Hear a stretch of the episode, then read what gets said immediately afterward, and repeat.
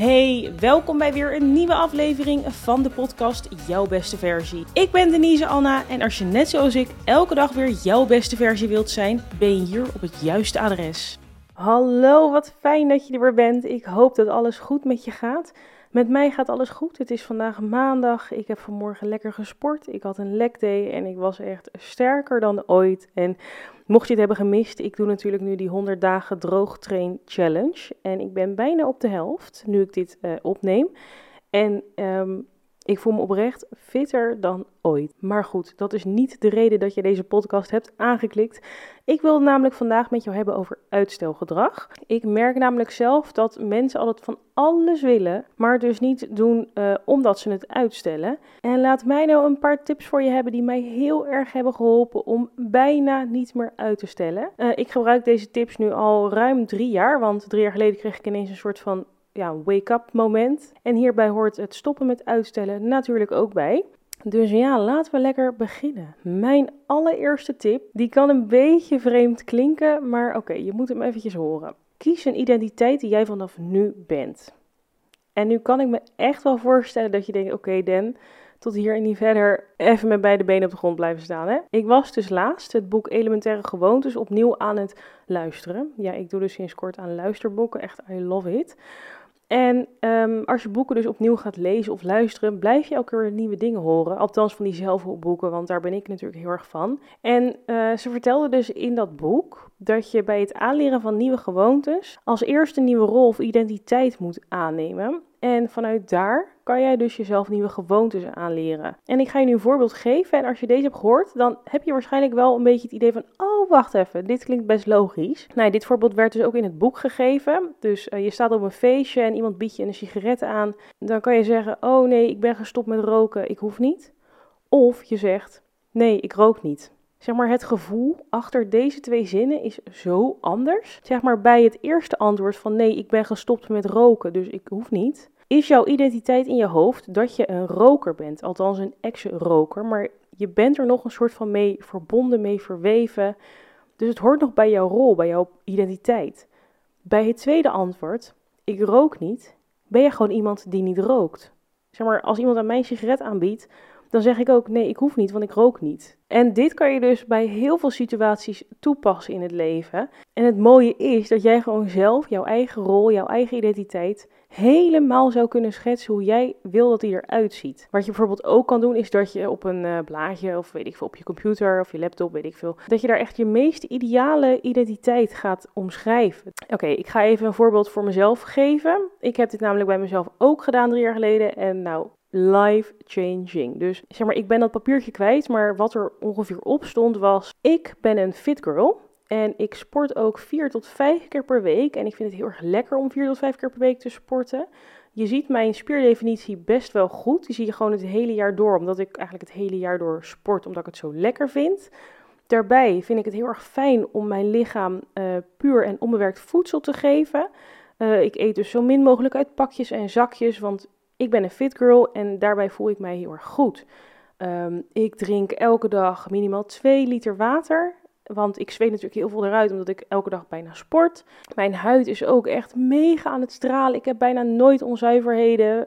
En mijn waardes in mijn lichaam zijn ook echt optimaal. Ik heb een heel erg gezond lichaam. Ik voel me heel erg gelukkig. Ik voel me heel erg fit. Ook als ik bijvoorbeeld een sprintje moet trekken voor de trein of een trap op moet rennen, kost me dat geen moeite, omdat ik zo topfit ben. En daarbij zegt mijn omgeving ook altijd tegen mij dat ik een fit girl ben en dat ik heel erg sportief ben. En dat mensen zouden willen dat ze zo fit als mij waren. Nou, weet je dit schreef ik dus drie jaar geleden een keertje op. Nou, drie jaar geleden was ik echt mega lui. Ik vond de sportschool niet leuk en ik wilde ook gewoon niet bewegen. Mijn zin die ik altijd tegen mensen zei was zelfs: ik ben lui, ik haat sporten. Ja, dat heb ik dus echt gezegd. En kijk heel eventjes vandaag de dag alles wat ik toen heb opgeschreven, dat doe ik nu. Dat ben ik nu. Ik sport zes tot zeven keer in de week ondertussen. Ik voel me fucking fit. Mijn huid straalt. En mensen zeggen ook tegen mij: Nou, had ik echt maar 10% van jouw sportieve discipline. Nou, gewoon alles wat ik toen had opgeschreven, dat ben ik nu. Dus die rol, die, waar ik toen echt van dacht: Ja, nou ja, echt I wish, ben ik nu gewoon geworden. Uh, hiermee wil ik dus zeggen dat jij gewoon een keer echt moet opschrijven voor jezelf. Hoe ziet jouw meest ideale persoon eruit? En vanuit daar kan jij dus gewoontes gaan uh, aanleren aan jezelf. Want dit is nou eenmaal hoe die persoon dat doet. En nu zeg ik niet dat je heel erg geforceerd allemaal dingen moet gaan doen, want zo ziet jouw meest ideale persoon eruit. Het stukje mindset in het leven is echt key. Dus als je daar al een beetje aan kan werken, dan gaat op een gegeven moment vanzelf alles wel ja, rollen, flowen. En voor je het weet is het gelukt. En dit heeft ook natuurlijk met het stukje manifesteren te maken, waar ik ook altijd heel erg van mee bezig ben en waar ik echt wel wat meer over ga delen binnenkort. Want ik merk dat er wel interesse in is. Ik heb dat een beetje voor mezelf gehouden, want ik dacht, ja, dan vinden mensen mij straks echt zo'n zweefteef. En ja, op zich ben ik dat ook weer niet, maar ook weer wel. Maar weet je, ik ga er gewoon een keer wat over delen.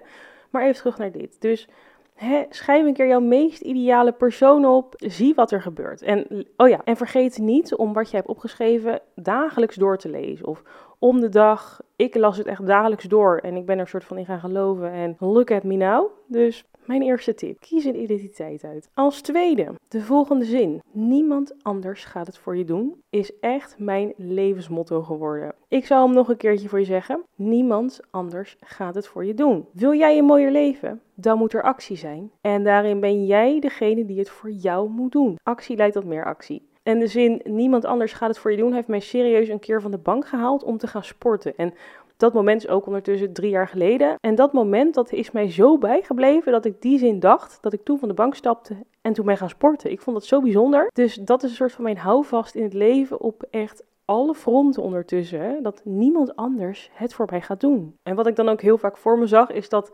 niemand bijvoorbeeld mijn lichaam kan overnemen en voor mij kan gaan sporten. Er kan ook niemand in mijn lichaam zitten en voor mij vroeger naar bed gaan. Of er kan niemand in mijn lichaam zitten en voor mij vroeger op gaan staan.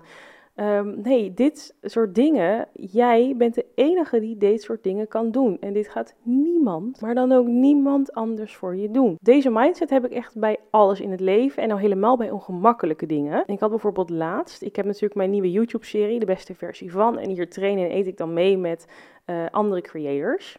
En voor deze serie moest ik deze creators benaderen. Althans moest, het is mijn eigen idee. Ik heb de serie helemaal zelf bedacht. Ik heb alles helemaal uitgewerkt. Ik heb de mensen gezocht die het filmen, editen, noem maar op. Maar ook de gasten moest ik zelf benaderen. Als ik eraan denk, krijg ik het al een beetje benauwd. Want ik moet dus gewoon zelf een DM sturen naar deze mensen die ik niet persoonlijk ken. Zij kennen mij ook niet, of niet persoonlijk. En die moet ik dan ineens gaan vragen voor mijn eigen YouTube-serie. Nou, wow, dood en dood eng. Maar goed, weet je, niemand anders gaat het voor je doen. Nou ja, nu heb ik natuurlijk wel een manager, dus een influencer manager, die het eventueel voor mij zou kunnen doen. Maar dan weet ik dat het een soort van manager tegen manager gaat worden. En ik heb liever dat ik dan die creator zelf even spreek. Oké, en als derde, uh, deze komt voort uit, nou ja, wat ik heel veel hoor, is dat mensen voor zichzelf willen beginnen. Dus niet meer voor een baas willen werken, maar voor zichzelf. Maar dat ze het dus niet doen door uitstelgedrag. En uh, dit snap ik natuurlijk ook helemaal. En ik weet ook waar het vandaan komt. En dat is iets wat je jezelf eventjes moet afvragen. Van waarom stel je het eigenlijk uit? En vaak is het dus de angst voor de actie die je moet nemen. Om heel eventjes weer uh, mijn YouTube-serie als voorbeeld te nemen. Ik uh, had dus alles helemaal perfect uitgedacht voor de serie. Van oké, we gaan het zo doen. Dit is het concept. zo ziet intro, outro, logo, edit. Alles is helemaal gecoverd. Alleen nu de gasten nog. En die moest ik nog vragen. Maar ik had gewoon dus wel een beetje angst van ja, straks word ik afgewezen. Straks lezen ze het wel, maar reageren ze niet. Of ja, weet ik veel, hebben ze er een mening over. Dus door deze angst stelde ik het uit om die gasten allemaal te vragen. Maar ik wist hoe dan ook dat ik deze gasten sowieso moest gaan vragen, want anders is er helemaal geen serie. dus ik, stelde het uit, maar ik voelde of ik hoorde mezelf ook zeggen van ja, maar ik doe het morgen wel, want ehm, ik, ja, ik durf het nu niet. Totdat ik het door had dat ik dit dacht. En dat ik het dus aan het uitstellen was door angst. Toen dacht ik, oké, deze angst die is er. Het mag er ook helemaal zijn. Maar omdat ik deze angst nu heb, hoef ik niet mijn acties uit te stellen. Ik kan ook gewoon dezelfde acties gaan doen met angst. Ja, het is niet dat je angst hebt dat je niks meer kan, toch? Dus dat dacht ik bij mezelf van oké, die angst die is er, maar we gaan het toch doen. En we hebben het gedaan. Ik heb echt de leukste gasten in mijn serie en er blijven nieuwe gasten bij komen. Dus je kan ook best wel acties nemen met angst. Dus als jij een nieuw bedrijf wil opzetten, komt daar ook angst bij kijken. Sterker nog, een nieuw bedrijf of iets nieuws opzetten is pure angst. Gewoon alles wat je doet is gewoon angst. Uh, slaat het wel aan? Ben je creatief genoeg voor een naam? Heb je een logo? Hoe ga je alles uh, indelen qua planning? Gewoon alles is nieuw en wat nieuw is, is vaak eng. Maar omdat het eng is, hoef je niet de acties uit te stellen. Je kan ook met deze angst het enge aangaan en acties nemen. En vaak als je over dat ene drempeltje bent, gaat het ook allemaal wel vanzelf. Maar gewoon dat eerste ding, die eerste actie, dat is altijd een, een ding. En als je daar overheen bent, komt het allemaal wel goed. En als vierde punt wil ik het hebben over het vertrouwen op jezelf. Dit is iets waar ik persoonlijk heel erg mee bezig ben de laatste tijd. Dat ik op mezelf kan vertrouwen en mezelf kan vertrouwen. En hiermee bedoel ik eigenlijk dat ik op mezelf kan rekenen, no matter what. En ik ben hier wel de afgelopen drie jaar al mee bezig geweest. En ik ben nog heel erg ver gekomen. Maar ik merk nu sinds dat ik deze 100 dagen droogtrain challenge doe. Zo, het is een mond Uh, ben ik mezelf een paar keer tegengekomen dat ik uh, even niet op mezelf kon rekenen. En daar schrok ik heel erg van, want ik dacht dat ik echt altijd op mezelf kan rekenen. Maar het blijkt dus van niet. En misschien klinkt het een beetje vaag, dus ik ga het nu voor je uitleggen. In mijn affirmatieboekje heb ik uh, drie jaar geleden de zin opgeschreven: Ik kom altijd voor mezelf opdagen. En als ik deze zin lees en als ik hem hoor, dan geeft het mij een gevoel van dat het lullig zou zijn als ik mezelf laat zitten. Want ik heb een commitment met mezelf gesloten van ik kom altijd voor mezelf opdagen. Alsof ik een soort van BFF ben van mezelf. Ja, het klinkt een beetje raar, maar zo zie ik mezelf. Dus het is gewoon lullig als ik een afspraak niet nakom. Dus als ik met mezelf heb afgesproken, we gaan sporten, dan gaan we sporten. Want ik zal het echt lullig vinden voor mij als ik dat niet nu ga doen. Want ik heb het afgesproken met mij. het is precies hetzelfde als je met een vriendin een afspraak hebt. Stel je gaat morgen met een vriendin sporten om 6 uur s ochtends. En jij denkt om 5 voor 6, oh my god, ik heb echt geen zin, ik draai me nog een keer om. Dan denk je toch, nee, dat is echt vet lullig, want die vriendin die staat nu op mij te wachten. Die is ook gewoon vroeg ter bed uitgekomen.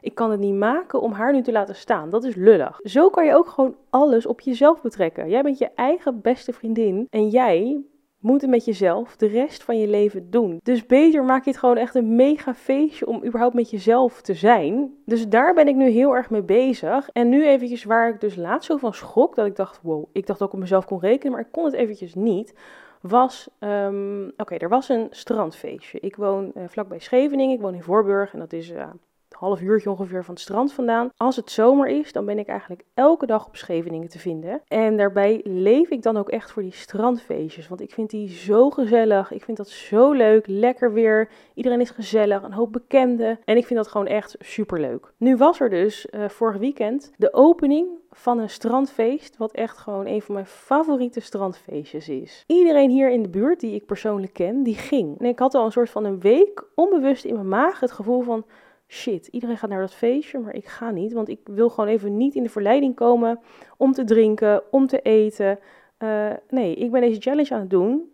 En ik, ja, het is voor mij nu even beter dat ik gewoon thuis blijf, dat ik even niet in de verleiding kom. En straks als deze challenge voorbij is, dan kan ik wel weer gaan, maar nu eventjes niet. Dus ik had ook geen kaartje gekocht. Ik kon ook helemaal geen kaartjes meer kopen. Het was al helemaal uitverkocht. Nou, het was dus de avond van het feestje, zaterdagavond. En ik zat alleen thuis. En het was een soort van een spanning die zich al de hele week aan het opbouwen was. Van, oh my god, ik ga niet naar dat feestje.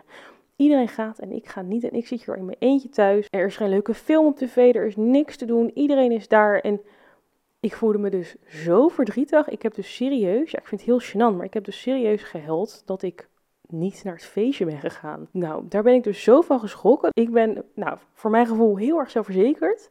Maar dat ik zo'n extreme FOMO ervaarde, dacht ik echt, den, what the fuck. Hier moeten we even aan gaan werken, want dit is niet normaal. Kom op zeg, er komen nog zoveel feestjes aan. Um, de meid kan even één keertje niet en je moet meteen gaan huilen. Ja, nee, nee, zo wil ik niet zijn. Wacht even. Dus daardoor ben ik weer heel erg met mezelf bezig geweest van oké. En omdat ik hier dus zo van ben geschrokken, dacht ik ja, ho eventjes. Ik ga nu er alles aan doen om met mezelf net zo gezellig te hebben als dat ik het op een feestje zou hebben. Zeg maar ik wil niet afhankelijk zijn van externe factoren, omgevingen, mensen om het leuk te hebben. Nee, ik wil gewoon weten van mezelf, als ik alleen ben, kan ik het ook heel erg leuk hebben. Het is gewoon fijn als je dat vertrouwen hebt in jezelf. Van hè, als ik een keer alleen ben, is het niet erg, want ik ben er voor mezelf. Ik vind het leuk met mezelf, want ik kan dit en dat en dit gaan doen. En nu moet ik er zelf nog wel even achter komen van wat vind ik nog meer leuk om alleen te doen. Dus Uh, nou ja, sporten vind ik natuurlijk leuk, maar op zaterdagavond ga ik niet naar de gym. Nee, echt niet. Dus ik moet eventjes op zoek gaan naar dingetjes wat ik heel erg leuk vind. Bijvoorbeeld uh, een kleurboek voor volwassenen. Nou ja, dat zie je mij niet heel snel doen trouwens. Maar er is vast wel iets in het, in het leven wat ik leuk vind om alleen te doen. Net zoals vroeger. Ik kon echt uren met de Barbies spelen. Echt uren. In mijn eentje met de Barbies. Ik had echt gewoon een mega fantasie. En ik ging er helemaal op. En het was helemaal ja, amazing om te doen. Nou, nu ik je toch spreek, mocht jij nog tips hebben hiervoor, stuur me eventjes een DM. Want uh, ja, ik ben echt op zoek. En ik wil deze FOMO gewoon niet meer voelen. Want zo ben ik niet. En ik ga dus ook voor deze FOMO even een andere identiteit aannemen. Oké, lieve, lieve schatten. Heel erg bedankt weer voor het luisteren. Ik zou het heel erg leuk vinden als je deze podcast wilt delen met vrienden, familie waarvan je denkt dat zij het ook moeten horen. Vergeet me ook niet te volgen. En tot de volgende aflevering. Doei!